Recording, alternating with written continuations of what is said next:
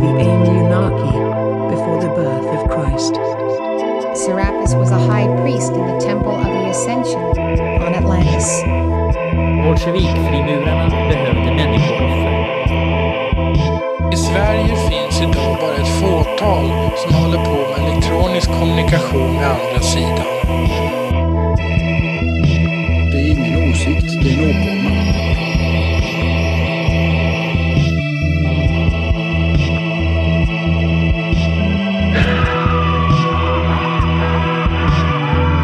I förra avsnittet av eh, Dolda Faktas Linné eh, Marathon så pratade vi om eh, Linné som Mythbuster. Ja, precis. När han eh, Reser runt och avslöjar vidskepelse och gör rent hus precis.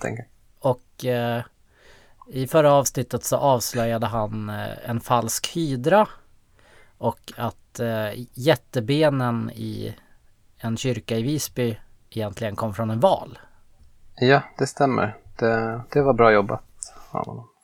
Eh, ja just det, och av en slump eh, efter förra avsnittet Ja, så gick jag till min bokhylla mhm, och så hittade jag en bok som hade en hydra på framsidan. mhm. Det är någon slags eh, ett kompendium av monster, myter och legender. Men eh, där, där stod det i alla fall följande. Eh, det står att Isidore av Sevilla, han var en lärd biskop på 500-talet efter Kristus. mhm, En katolik. mm. Det sägs att han eh, samlade ihop mycket antik kunskap och förde den vidare som kanske annars gått förlorad. Mm. Eh, och han hade faktiskt skrivit lite om hydran. Jaha, vad, vad, hade, vad skrev han? Han skrev att eh, hydran är en lit, ett litet djur eh, som har fått sitt namn för att det lever i vatten, speciellt i Nilen.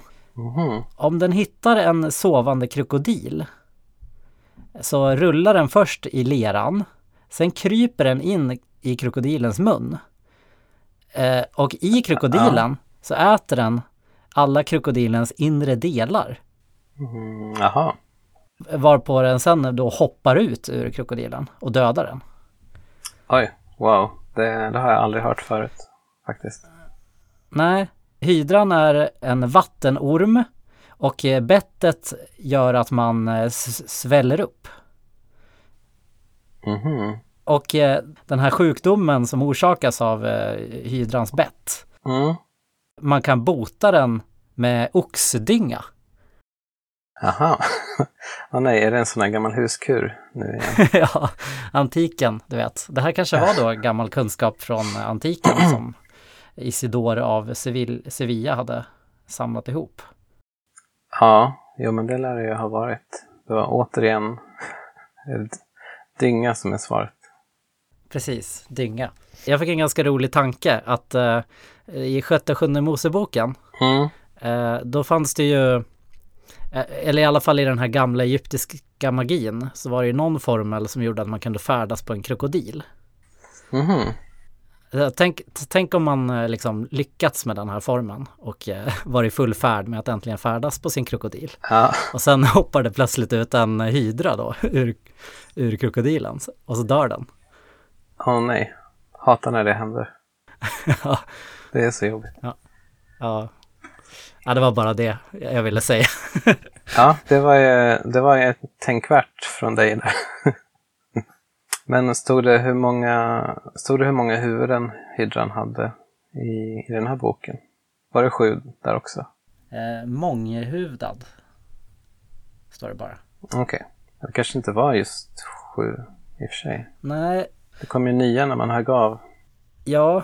Det står också att det finns en isländskt manuskript. Mhm. Eh, Fysiologus som skriver att hydran är en fågel med fjädrar. Okej. I krokodilens mun och eh, ett fågelhuvud som kommer ut från sidan. Va? Eh, va? Okej. Men hydran är nästan alltid illustrerad som en orm vars svans sticker ut ur krokodilens mun. Mhm. Och att huvudet kommer ut från krokodilens sida. Jaha. Ja, där ser man. Eh, jag hängde inte alls med med det här isländska Nej. manuskriptet faktiskt. Nej, det var lite, jag förstod inte heller riktigt. Men Det kanske blir något för senare avsnitt, som, som vi alltid säger. ja, den isländska hydran. Men fanns det krokodiler i Island eller?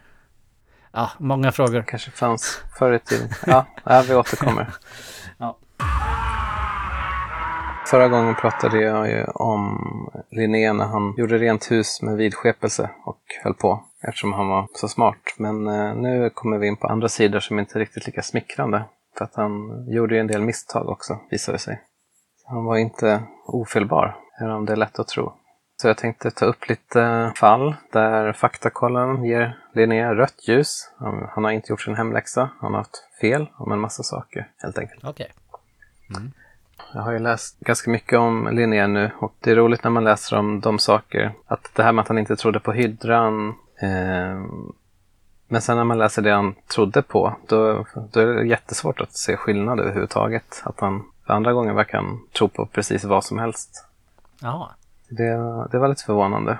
Men eh, så här kommer lite mörkare sidor i serien som vi kan kalla Linné som dumskalle. Första punkten här heter Homo troglodytes. Då kanske du undrar vad det är för något? Ja, vad är det? Låter som en eh, dinosaurie.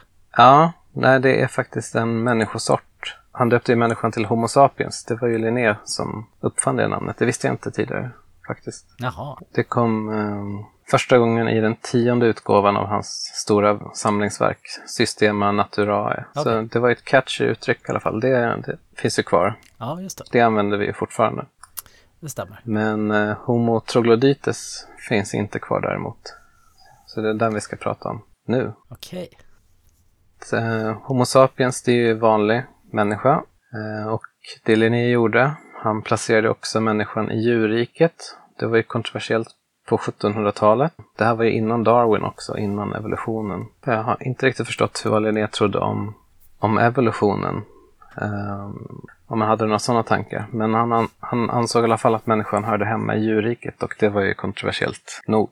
Och en annan sak som var ännu mer kontroversiell i den här utgåvan av Systema Naturae, det var att han lade till en till människoart, Homo troglodytes, Okej. som man också kallade för Homo nocturnes, alltså nattmänniskan. Oj då. Det låter ju ganska spännande. Ja, just det. Eh, det här var alltså i tionde utgåvan av Systema Naturae som kom ut mellan 1758 och 1759. Där finns troglodyten med, Homo troglodytes, och han skrev även en avhandling som heter Människans kusiner, som handlar om dem. Okej. Så här beskriver han troglodyterna då i Människans kusiner. Troglodyt, eller mörksens barn, som gör dag till natt och natt till dag, tycks vara våra närmsta släktingar. Dessa hava varit allt ifrån Plini, alltså Plinius, och de äldste tider till namnet bekanta och bo i Etiopien samt på Java och Amboina, Ternataiska öarna etc. Mest jordkulor. Jaha. Hur ser de ut då? Jo, det har han också skrivit faktiskt. De är föga större än en gosse på nio år, helt snövita och aldrig solbrända eftersom de enas äflas om natten, har han skrivit. Men eh, jag har inte lyckats ta reda på vad äfla betyder. Ja. Låter snuskigt. Ja, jo. Jo, kanske något, någon sjuk skit de sysslar med på natten. Troglodyterna går helt raka, som vi. Håret på huvudet är kort och knorrligt, alltså krulligt antar jag. Okej. men helt vitt. Ögonen är trinda med orangefärgad ögonsten och ögonring. Övre ögonlocket ligger något utöver det undre, så de ser något vindögda ut och tittar på sidan. Det låter konstigt nog, men sen kommer det en till grej. Under ögonlocket ligger en pärlfärgad skygghinna som på björnar, ugglor och andra som vistas ute om natten. Jaha. Okej.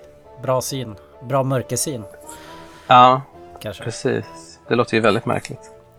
Mm.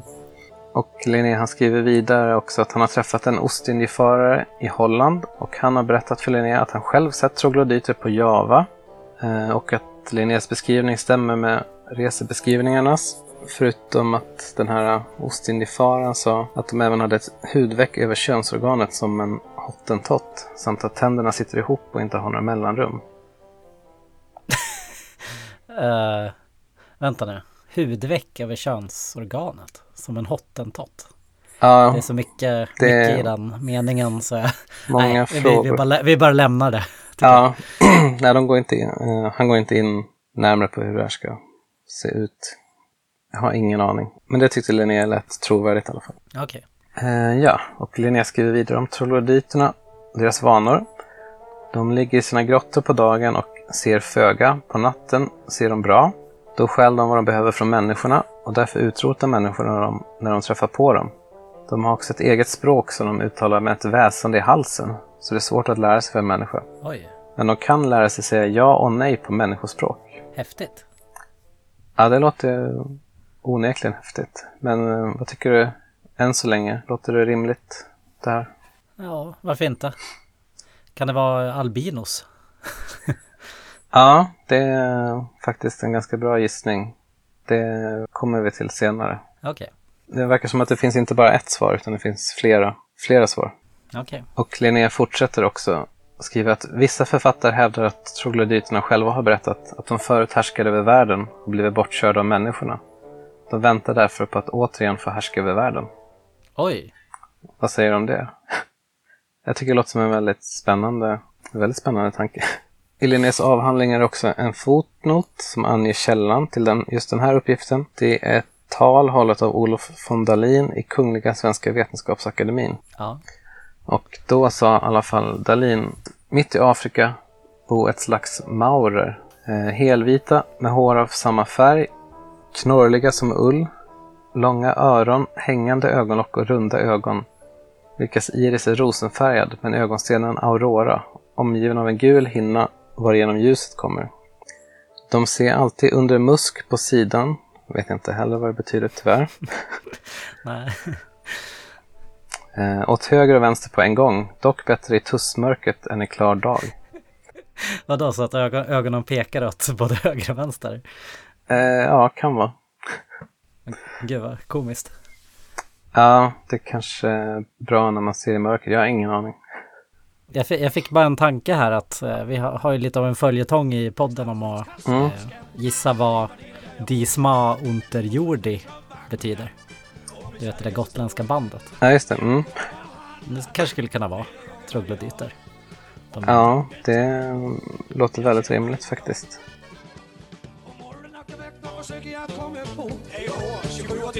Det kan bli en liten mjölk. Just det, de ser bättre i tussmörkret än i klar dag, liksom att de är födda till att bo i kulor. Jordkulor då. Okej. Små till växten och lever sällan över 25 år. De talar och tänka. De är högdragna som andra människor, inbillar sig vara det ädlaste folket för vilket världen är skapad och att än en gång deras tid kommer att regera över andra. Okej. Det här är enligt Olof von Dalin då.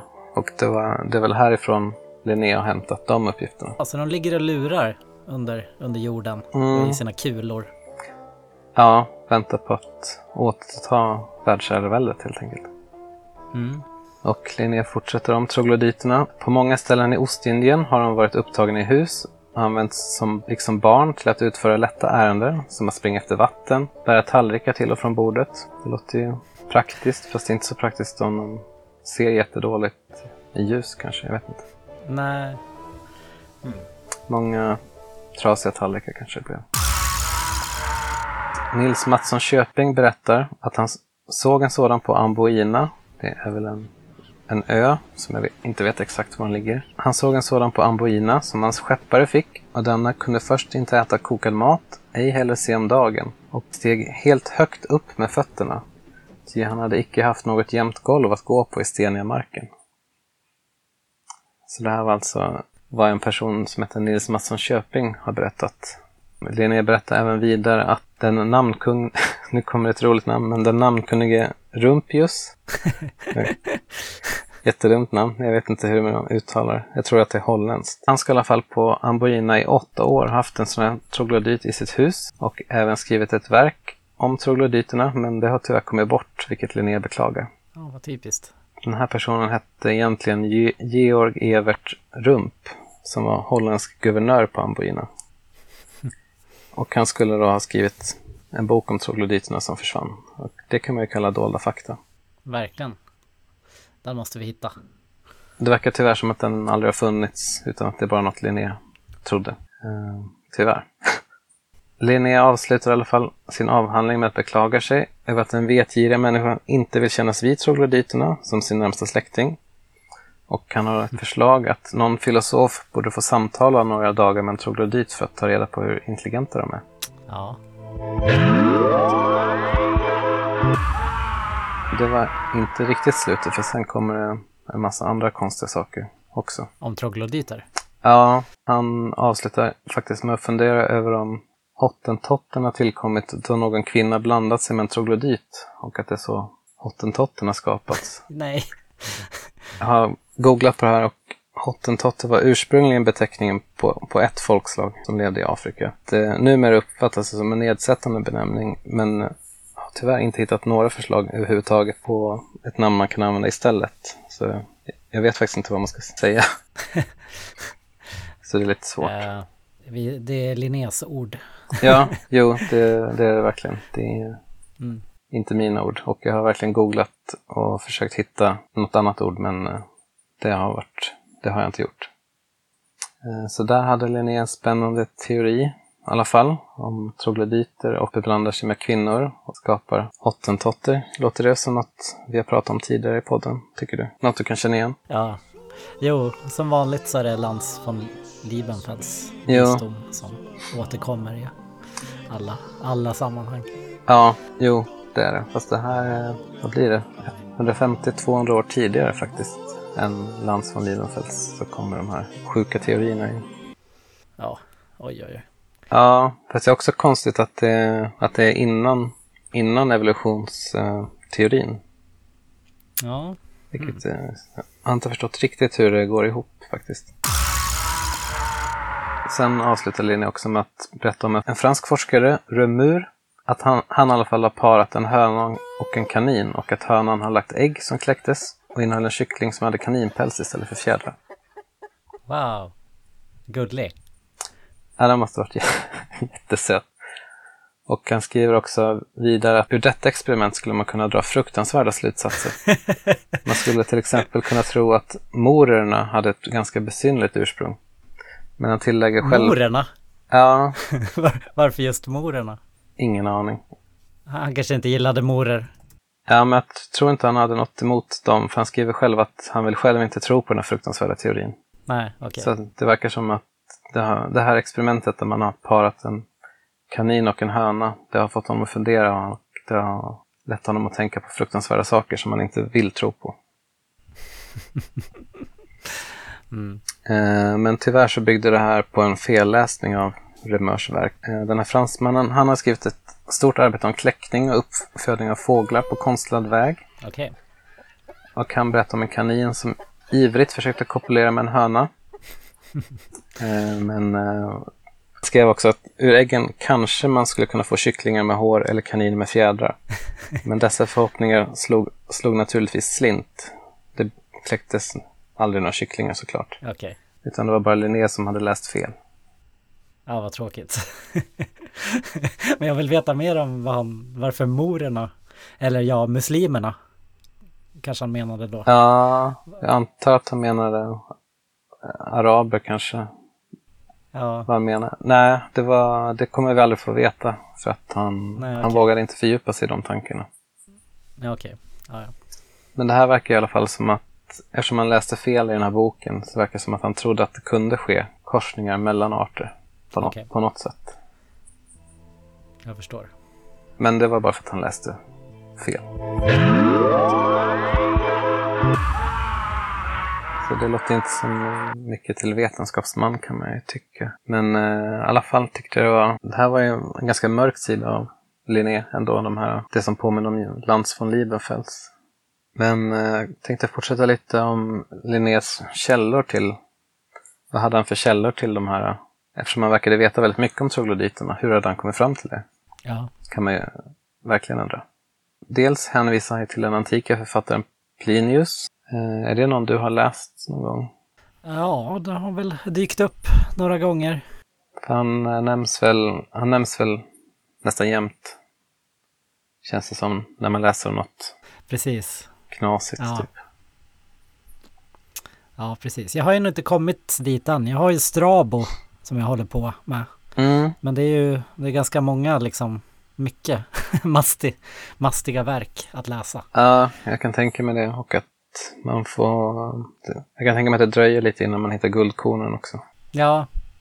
Men du, Mm. eh, ba- bara innan jag glömmer det. Mm. Det pratas ju mycket om att Carl von Linné var rasbiologins fader. Ja, Att han delade in människan i olika både hudfärger och typ psykiska mm. särarter och sånt där. det kommer jag ihåg. Det pratas väl ganska mycket om det just kring det här Linné-jubileumsåret. Vad var det, 2007? Ja, just det. Mm. Eh, Ja, det kanske det gjorde. Ja, Ja, jag tror att det togs upp en del. Men det är, tyvärr, det är tyvärr inget jag har fördjupat mig i, utan jag har bara fördjupat mig i hans knasiga projekt. Det verkar också som att han var, själv var lite rädd för de här teorierna, att han inte ville fullfölja dem. Okej. Så det är svårt att veta. Men just de här... kanske bara släng, slängde ut, testade en tanke så att säga. Ja, precis. Det blev inte så bra bara. Nej. Eh, jag kommer faktiskt... Ja, nej, det är faktiskt inget jag har fördjupat mig i just Linnés ansvar för rasbiologin. Men länkar inte du till en jättebra film på Youtube som visade att det var hans fel alltihop? Hitler och... Ja, det gjorde jag. Fast ja, jag har inte hunnit kolla på den filmen än. Men jag såg att i slutet så var det lite bilder på Hitler. Mm, Så eh, det, det får man väl ta som bevis för att det var så. ja, det, om det finns på rörlig bild så räcker det som bevis för mig. Precis. Jag orkade faktiskt inte heller kolla på hela filmen. Eh, Det verkade vara någon slags skol, skolprojekt tror jag. jo, det kändes verkligen Ja. som det. Vi kan väl lägga ut en länk till den på vår Tumblr kanske, så kan folk dra sina egna slutsatser. Mm, och också den här eh, fantastiska dokumentären om Carl von Linnés öländska resa år 1741. Eh, Mm ja, jag, lägger, jag lägger väl in klippet i alla fall. Byarna luktade och osade här vidrigt av de invånarna bränt torr kodynga med vilken de nödgas i brist på annat bränsle. Bondhustrun går ledigt om naveln som om låren, får ofta 16-20 barn tjocka och frodiga. Flickor och pigor gingo i husen ovan midjan till kjorteln endast klädda med särk med sina puffande stora bröst pysande till älskog. Ja, det var bara det. Eh, Ja, nej, det, verk, det verkade vara en jättebra dokumentär. Jag Mm. nämnde ju Linnés öländska resa lite kort i förra avsnittet, men det var ju bara... Det vi tog upp var ju bara att han krossade foten och sen att han skändade en gammal grav och grävde upp en massa ben. Ja, vet, vet du, han är också på i Blåkulla i den här dokumentären. Mhm. Pratar om att det är hemskt där. Det är väl någon ö utanför Öland. Ja, just det. Mm. Ja, jag tror det. Spännande. Ja, ja, det var en liten avstickare. Ja. Förlåt att jag avbröt dig. Nej, det är ingen fara. Plinius, den antika författaren, har jag själv inte läst heller, men man blir lite sugen. Han skrev i alla fall om troglodyterna, att de lever i det inre Afrika, bor i hålor, livnär sig på ormkött och har en väsande röst. Och eh, jag kollade faktiskt om Lans von Liebenfels, om han hade skrivit någonting om troglodyterna, i alla fall i den här eh, stora verket Teosologi, eller läran om gudaelektronen, som, Ja, som vi pratade en del om i ett av våra Atlantis-avsnitt. Så jag kollade vad han hade skrivit om troglodyter, men han hade inte skrivit så mycket. Annars tänkte jag att det vore perfekt för honom. men han hade skrivit någonting. Ja, han hänvisade också till Plinius eller Herodotus och det han hakade upp sig på var just det här med att de, att de äter ormkött. För han förklarade att det var en felöversättning. Det var inte att de åt ormar, det var att de låg med ormar. ja, just det. Det var därför de hade väsande röster. Ja, jag antar det. Det, det var vad han tog med sig från. från Ska vi döpa om den här Ska vi döpa om den här podden till Lans von Liebenfels-podden? För vi pratar om honom i varenda avsnitt. Ja, ja, det är svårt att... Så många vägar som leder dit. Ja, Det var i alla fall en av de antika källorna. Ja. Eh, Det var, jag läste en intressant sak just om det här av författaren Gunnar Broberg. Han disputerade med en avhandling just om Carl von Linnés eh, människosyn. Den heter Homo sapiens L, handlar om Linnés artbegrepp bland annat. Han skriver i alla fall att fortfarande på Linnés tid så var det att det de här gamla auktor- auktoriteterna hade beskrivit, det kunde man inte bara avfärda utan det måste omtolkas för att passa in. Så om Plinius har skrivit det här, då kan man inte, eftersom han är en gammal auktoritet, kan man inte bara säga att det är trams. Utan man måste försöka förklara det. Så att det är därför Linné stöder sig på, på en sån här gammal källa. Jag undrar också om det är därför han, Linné, enligt Plinius bodde ju de i inre Afrika. Medan Linné påstår att de lever i indonesiska övärlden och på Java och så. Den eh, biten kommer ju inte från Plinius eller någon av de antika författarna. Ja, okej. Om det var ett sätt att placera trogloditerna i länder som var nyupptäckta för västerlänningar. Jag, jag vet inte om det var ett sätt att få dem att verka troliga att de finns. Jag vet inte. Eller om man förlitade sig på källor från sin egen tid då. Ja, det gjorde han ju också. Upptäcktsresande, vad han nu hette. Ja, precis. Nisse. Vi hade ju Nils Mattsson Köping som var en annan av Linnés källor. Han var född 1621 och levde till 1680. Var en svensk reseskildrare. Och det är från en av hans reseskildringar som Linné har hämtat andra uppgifter om trogloditerna. Har du läst hela den? Eh, nej, det har jag inte gjort. Jag bara hoppade fram till godbitarna. Okej. Eh, Nils Mattsson Köping, han kom ut med en bok som heter En kort beskrivning, uppåt trenne resor och peregrinationer samt konungariket Japan. Den kom ut 1667. Kan ha varit på en väldig massa ställen i Asien, Afrika och många andra hedniska konungariken samt öar. Men jag läste också att eventuellt har han inte skrivit hela den här boken utan att en del är bara översättningar från utländska reseskildringar som man påstår att han har skrivit. Jaha. Eh, tyvärr. Men eh, det verkar inte vara något tvivel om att han har varit på ön Amboina. Nu för tiden heter ön Ambon och li- ligger i Indonesien. Och han skriver att här finns ett underligt slags folk som kallas Kakurlako. De anses vara ohyra och utrotas som ohyra när invånarna träffar på dem. De är snövita både till hull och hår fast urinvånarna är svarta. De lever i hemliga jordkulor på dagarna. Då är det jättesvårt att hitta dem. Heter de Kakurlakur? Ja, det gjorde de faktiskt. Eh, Det har jag inte sett någon riktig förklaring på Ja. vad, hur det kommer sig. Var så kackerlackor fick sitt namn alltså. Troglodyter. Ja, kanske. Eller tvärtom kanske. Vem, vem vet? Men han, Nils Mattsson Köping skriver också vidare att eh, de ser inte mer än stenen om dagen. Jag antar att det betyder att de ser dåligt. De har syn som en sten. Eh, Det här är alltså på 1600-tals svenska så det här är mina, min tolkning. Okej. Ja. Eh, I dagsljus kryper de omkring som om de fått ögonen utstuckna. Men om nätterna, ju mörkare desto bättre ser de. Då skäller de allt som urinvånarna planterat och sått. De har ett särskilt språk som talas med pipig röst, som är helt skilt från urinvånarnas språk. Hmm.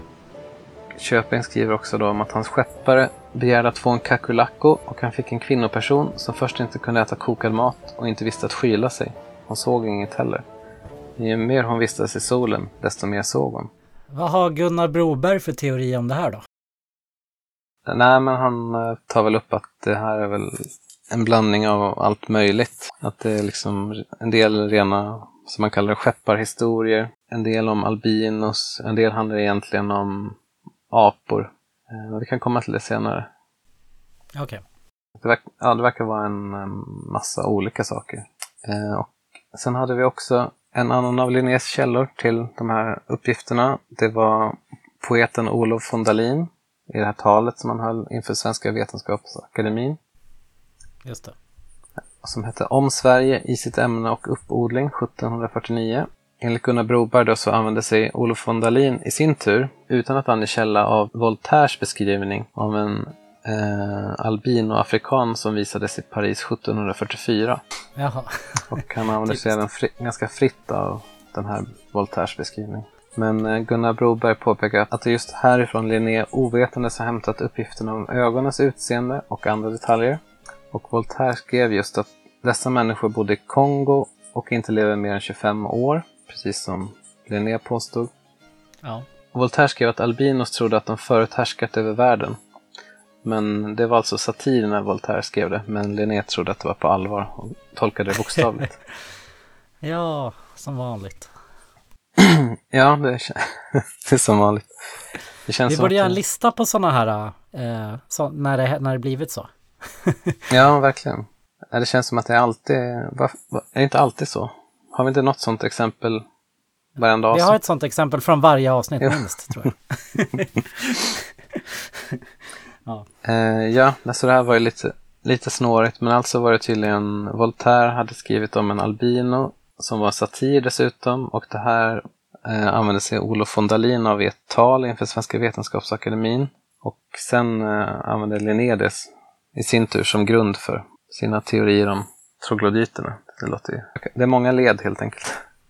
Många led, ja. Plus att det Voltaire skrev från början var satir. Då. Så det var vad Linné hade att säga om troglodyterna i sin avhandling Människans kusiner. Mm. Och han skrev också i Systema Naturae, det här stora samlingsverket, fullkomligare underrättelser om troglodyterna väntades från England. Då kanske du undrar, vad handlar det här om? Ja, vad, vad är det här? Det här är en ganska mörk historia som handlar om att Carl von Linné vill köpa ett barn. Ja, just det. Ja, barnhandel, det är aldrig okej. Nej, det anses ju mycket ofint nu för tiden. Men eh, på Carl von Linnés tid verkar det inte ha varit några större problem. Så det här är ju sånt som inte togs upp under jubileumsåret 2007. I början av 1758 faktiskt, då fick Linné höra talas om en sevärdhet i London och skrev till sin vän John Ellis som bodde där. Och i februari 1758, samma år, då fick Linné också via ombud ett brev från en svensk elev på studieresa som hette Per Bjerkén. Och han berättade i alla fall om en levande troglodyt som visades upp i London. Där berättades det om en 10-årig, enligt annan uppgift 14-årig, helvit flicka från Jamaica som hade ljusgula ögon vridna i en konstig ställning, liksom på en vindögd. Och inte tålde dagsljuset utan såg bättre i mörker. Den här flickan var ju en albino, verkar det som då, Ja, förstås. såklart. Och det här gjorde att Linné blev eld och lågor. Han skrev att han ville krama och kyssa författaren, Bjerkén för varje ord. Och Linné tyckte att beskrivningen av den här troglodyten, som han trodde att det var, skulle rent av kunna vara beskriven efter Linnés egna verk Systema Naturae, för så bra stämde beskrivningen.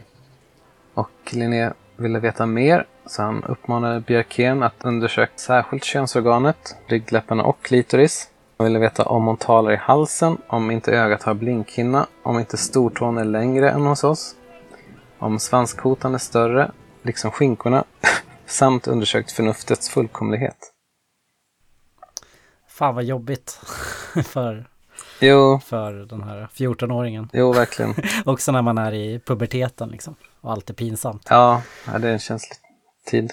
Det är det. Det är i alla fall poängteras att han bad inte om det här för, för att han var pervers, utan det här var för att könsorganen var en viktig del i Linnés klassifikationssystem, hur man delade in ja, olika arter helt enkelt. Så det var, eh, ja, jag antar att det var vetenskapligt.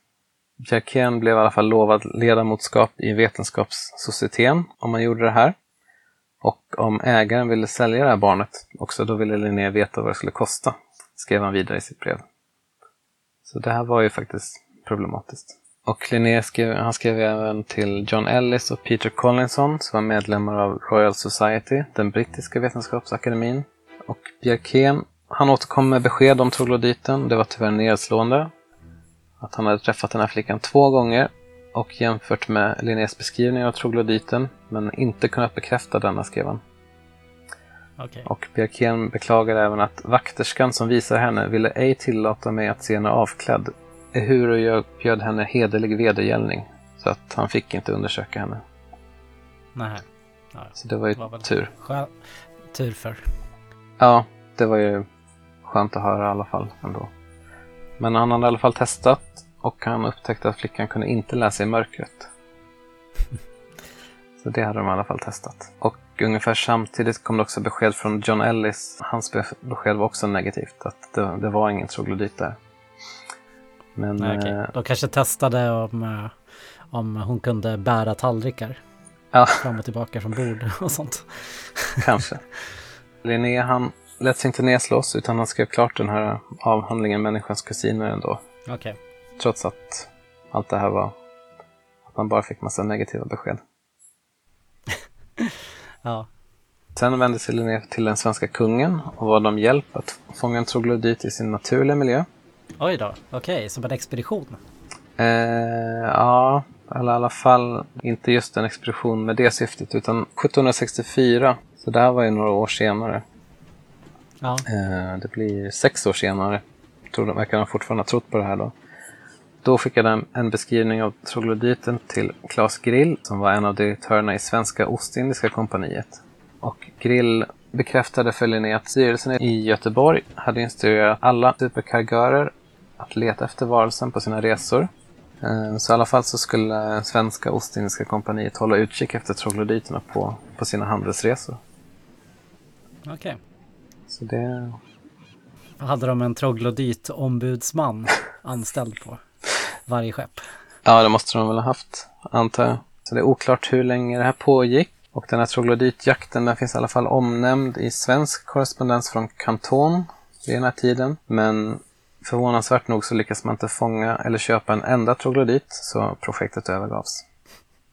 Jaha, vad trist. Bra, så här, bra titel annars. Troglodytjakten. Ja, jo verkligen. Ja, den här jakten skulle man ju vilja veta mer om. Ja, verkligen. Jag vet tyvärr inte hur mycket material, material det kan, eh, hur mycket kan det finnas om det här liksom. Nej, Det kanske finns spännande handlingar om man forskar om Ostindiska kompaniet, jag vet inte. ja. Mm, bra framtida forskningsidé. Mm. Gunnar Broberg i sin bok, han går in då på, ja, vad, vad handlade allt det här om egentligen? Och ja, dels var det ju då att Linné, att han blev lurad av rena skepparhistorier, skrönor och också det var uppgifter om albinos, alltså människor med albinos syndrom. Man förstod inte riktigt vad det var helt enkelt, att det var ett syndrom, varför de här människorna var, var vita. Så det var dels albinos, dels förvirrade uppgifter om de högre aporna som man inte visste så mycket om i västvärlden på den här tiden. Alltså orangutanger och schimpanser och sånt. Men jag läste någonting, jag kommer inte ihåg exakt, men det var, dröjde väl till ganska länge innan man förstod vad de här aporna var i, i Europa. Okej. Vad trodde man aporna var? Ja, ingen aning. Jag trodde väl att det var all, alla möjliga fasansfulla varelser, antar jag. Och jag läste någonstans att det dröjde väldigt länge innan en levande apa kom till, ja, kom till Europa, som man kunde observera den. En annan orsak till att det gick som det gick kanske var Linné själv har sagt i ett annat sammanhang att en person som rapporterar något sensationellt, det är värt mer än hundra personer som inte har sett något. Mm, jag håller med. Tror att det kan vara en delförklaring. Ja, jo. Ja, det låter rimligt. Sen var det en tanke av Gunnar Broberg som jag tyckte var väldigt intressant. Att man kan se Linnés troglodyt som en projicering av barndomens föreställningar om ett trollfolk i det lantliga Småland där han växte upp. Okej, ja. Det tycker jag var en väldigt spännande tanke och eh, Broberg påpekar att det går inte att bevisa ett direkt samband eller sammanhang med att det verkar rimligt. Ja, ja men det tycker jag också verkar rimligt. Och han skriver också just om trollen i Linnés hemtrakter i Småland. Där trollen betraktades som små, ungefär som halvvuxna barn och med gnällig röst. Det sades att de bodde under jorden, i backarna och bergen och visade sig bara när det var mulet och regnigt. Okej, En del sa också att de inte tålde solen som fick dem att spricka. just det. Eh, Så det här låter ju faktiskt onekligen ganska likt troglodyterna. Så eh, då måste man istället undersöka i Småland om man kan, kan hitta trollen. För att komma till botten med hela den här, Ja, den här soppan eh, ja så, eh, så är det. I mitten av 1800-talet då lanserar ju Gunnar Olof Hultén Cavallius i sitt stora verk Värend och Virdarne en allvarligt menad teori om att trollen, eller det folk som kallar det så, var Sveriges tidigare invånare av en annan ras som dragits tillbaka till skogarna. Och det här är då en parallell till troglodytens påstådda forna välde och hopp om kommande makt. Ja, det här, det här har vi väl stött på några gånger. Mm. Att det, att det också brukar handla om att eh, troll egentligen bara är finnar och eh, samer. Mm. Och så Precis. har man velat skilja dem från högresta liksom, eh, göter. Mm. har hållit på med, med sån skit. Ja, precis. Det verkar väl ha varit något som ganska, jag vet inte hur många, men det verkar ha varit ganska många som trodde på det på 1800-talet i alla fall. Mm. Ja, är bara vanlig rasism. Jo, och, och också ett försök att förklara de här eh, sägnerna om troll då, antar jag. Ja, Genom att försöka bevisa att det var ett eh, verkligt folkslag som har gett upphov till de här ja, legenderna. Och den här teorin om trollen lanserades också i slutet av 1700-talet av Uppsala-professorn Jakob Fredrik Neikter som skrev en avhandling om den urgamla trollnationen. Det här var lite efter Linnés tid. Och han ansåg i alla fall att troglodyt och troll hörde ihop språkligt. ja just det. T. Ja, båda börjar på TRO. Oh. Vad betyder, vad betyder egentligen troglodyt? Det måste ju finnas någon eh, latinsk eller grekisk. liksom. Det måste betyda något. Ja, det var faktiskt en bra, bra fråga. Det, det har jag inte ens tänkt på. Eller, jag har inte tänkt på att kolla upp det. Här, här. Cavegoers. Betyder det. Betyder det? Jag tror det. Eh, på Wikipedia står det The troglodyte grekiska bla bla bla or troglodyti literally cavegoers. Ja, Strabo och eh, Diodorus Siculus skrev också om eh, troglodyter och Herodotus. Mhm. Otroligt. Och Tacitus. Oj. Alla, alla tungviktare. Ja, jag antar att de hade samma källa säkert allihop. Troglodyt, grekiska trogle, hål eller mushål och dyein, gå in, dyka in. Så grått går det. Alltså Herodotus är ju då, det, det verkar ju vara den första källan. Mm. Så man kan ju kolla lite snabbt vad Herodotus skriver om dem. Jag tror han skrev samma sak som Plinius ungefär va? Ja, precis. Det står att The Garamantes hunt the Ethiopian holemen or troglodytes in four horse chariots. For these troglodytes are exceedingly swift uh, of foot, more so than any people of whom we have any information. They eat snakes and lizards and other reptiles and speak a language with like no other, but squeak like bats. Okej, det var samma. Så det var precis samma som Plinius med andra ord. Ja. Hmm. Han är i alla fall, han levde ju, vad är det, fem, 500-talet före Kristus. Mm. Och sen kommer väl alla andra efteråt, om jag minns rätt. Ja men här står det ju faktiskt, här står det ehm, Herodotus fe- fifth century before Christ. Sen är det Agat, Agatarchides, det är eh, second century före Kristus och Diodorus Siculus är första centuryt före Kristus. Strabo och eh, Plinius och eh, Josefus och Tacitus är alla efter Kristus födelse. Så pass. Ja, det är skrämmande hur dålig koll man har på de antika auktoriteterna egentligen. Men det är för att eh, man bara läser stycken av dem när man hittar något, när de skriver om något galet. Ja, men det här var faktiskt spännande för Strabo skrev tydligen att de bodde i Skytien. Alltså, där i Skyterna var ju de här med roliga troll, trollkarlshattar. ja, just det. Och också i Grekland. Eller grekiska kolonierna Kalatis och Tomis. Ja, mm. Okej. Den där kanske visar att man borde faktiskt försöka läsa någon av de antika auktoriteterna. Eh, lära sig någonting om dem, inte bara lösryckta citat om olika galenskap. Bara en tanke. Det här står ju också att eh, Flavius Josephus, eh, Mm. han pratar om ett ställe som hette Troglodytis. Mhm. Att efter Saras död i Bibeln då, Mhm. eh, så gifte sig Abraham med Ketura och fick sex söner eh, som fick massa andra söner. Jaha, okej. Och så står det Now for all these sons and grandsons Abraham contrived to settle them in colonies and they took possession of Troglodytis and the country of Arabia Felix. Jaha. Mhm. Ja, det är alltså kusten till Röda havet. Är det Troglodytis? Okej. Är, är det troglodyternas land? Ja, det låter ju som en annan, annan teori än det Herodotus skrev. Han skrev väl om Etiopien. Ja, många, många bud i alla fall. Ja, det finns ju väldigt många teorier. Väldigt lite fakta. Ja, precis. Men det blev väldigt spännande det här. Det här blev ju typ ett helt eh, troglodyt-avsnitt faktiskt. Jo.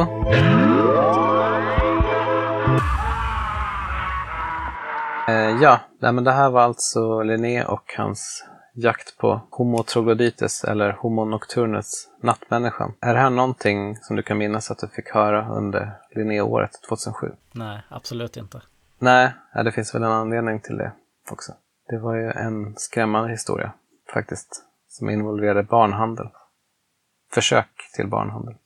Och eh, ja, precis. Fruktansvärda övergrepp på albinos. Ja, jo, Även om det inte blev något. Men... nej, men det är ju tanken som räknas, som de säger. Nej, men jag gillade han eh, Nils Karlsson Pyssling eller, eller vad heter. Nils Mattsson Köping. Ja, nej, han verkar faktiskt ha, han verkar ha varit jättespännande. Han var ju ute och reste världen runt som svensk på 1600-talet verkar det som. Och eventuellt, ja, eventuellt hade han inte rest riktigt så mycket som han påstod, utan att en del av hans bok var bara översättningar av utländska reseskildringar. Ja, men är det, är det en bra story så, så tycker jag det är okej att göra så. Jo, det tycker jag också. Eh, Men i alla fall, han hade i alla fall varit på ön Amboina och träffat på det mystiska folkslaget Kakulako. Nej, men honom skulle man ju absolut vilja veta mer om. Nej, men eh, återigen, alltså en av de mest spännande sakerna du tog upp var ju det här att någon troglodyt då hade lyckats kommunicera och sagt att, eh, att de var en, ett urgammalt folk som en gång kommer komma tillbaka Mm. och ta tillbaka sin... Just det. Ja, det var ju, det var ju vad Linné hade fått det från poeten Olof von Dalin som hade fått det från en satir av Voltaire som skrev om... Jaha, aj då, nej. Var det satiren som... Ja, källan Jag tänkte, var... jag tänkte just säga att om det är någonting jag kommer ta med mig ur det här avsnittet så är det rädslan över att troglodyterna ska slå tillbaka. Men då kanske jag inte behöver vara så rädd. Jag tror inte... Nej. Det verkar, det verkar ha byggt mest på missuppfattning, eh, verkar det som. Men, eh, men det är spännande just. Det var en intressant parallell just till trollen från Linnés hembygd som också enligt vissa teorier hade varit härskare innan de blev bortdrivna. Ja, det är ju nästan en ja, arketyp. Bäst folk som en gång Härskat. Ja. eh, härskat. Ja. Mm. Ja, men det, det är ju, det är ju ver- verkligen spännande bilder när man läser om Verkligen. sånt. Finns det några bilder på troglodyterna? Det finns en bild i Linnés bok som ska föreställa just Homo troglodytes som, som jag förstått det. Jag tror jag läste också det i Gunnar Broberg, att det, är någon så, att det är bara någon förvanskning av en tidigare illustration som föreställer något helt annat, men att den har liksom förvanskats. Men den kan vi ju lägga ut på, på vår Tumblr och så sen. Ja, det tycker jag. Det är kul. Eh, nej, men jag tyckte eh, nu när jag läste om det här att här verkar ju Linné, Linné inte alls varit så skarpsinnig som han var när han direkt avslöjade den här falska hydran i Hamburg till exempel, som vi pratade om i förra avsnittet. Att då såg han på en gång att det här är en förfalskning. Liksom. Nej, nej men det, det var väl kanske därför Gunnar Broberg hade den där teorin om hans barndom. Mm. Att det var djupt rotat i hans eget undermedvetna. Ja, så kan, så kan det vara. Men sen också kommer ta upp i andra, senare avsnitt eh, andra saker som Linné trodde på som också var helt vansinniga. Och det verkar helt godtyckligt på vad han trodde var sant och vad han trodde var hittepå som vetenskapsman. Ja, vi dyker ännu djupare ner i Linnés hjärna i nästa avsnitt då. Nästa gång kommer jag fortsätta min kampanj för att eh, dra ner byxorna på Blomsterkungen. Och som sagt, nu är han ju redan borttagen från hundralappen. Togs bort 2016. Och, eh, Men eh, tanken med den här poddserien är ju då att om- han fortfarande varit kvar på hundralappen så skulle han tas bort efter den här serien är avslutad. Har du något annat mål som du kan sträva mot? Eh, var dyker det ni upp mer i, i Sverige? Mm. Finns det någon staty kanske? Eller? I Humlegården finns det ju en Linné-staty. Det finns nog några statyer någonstans. Jag kommer kräva att de ska rivas. Ja, men vi kan väl säga att eh, målet är att Linnémonumentet i Humlegården, att det ska tas ner. Ja, det är första målet. Men det kommer mer sen. Ja, jättebra. Hej. Tack och hej. Det är en hund begraven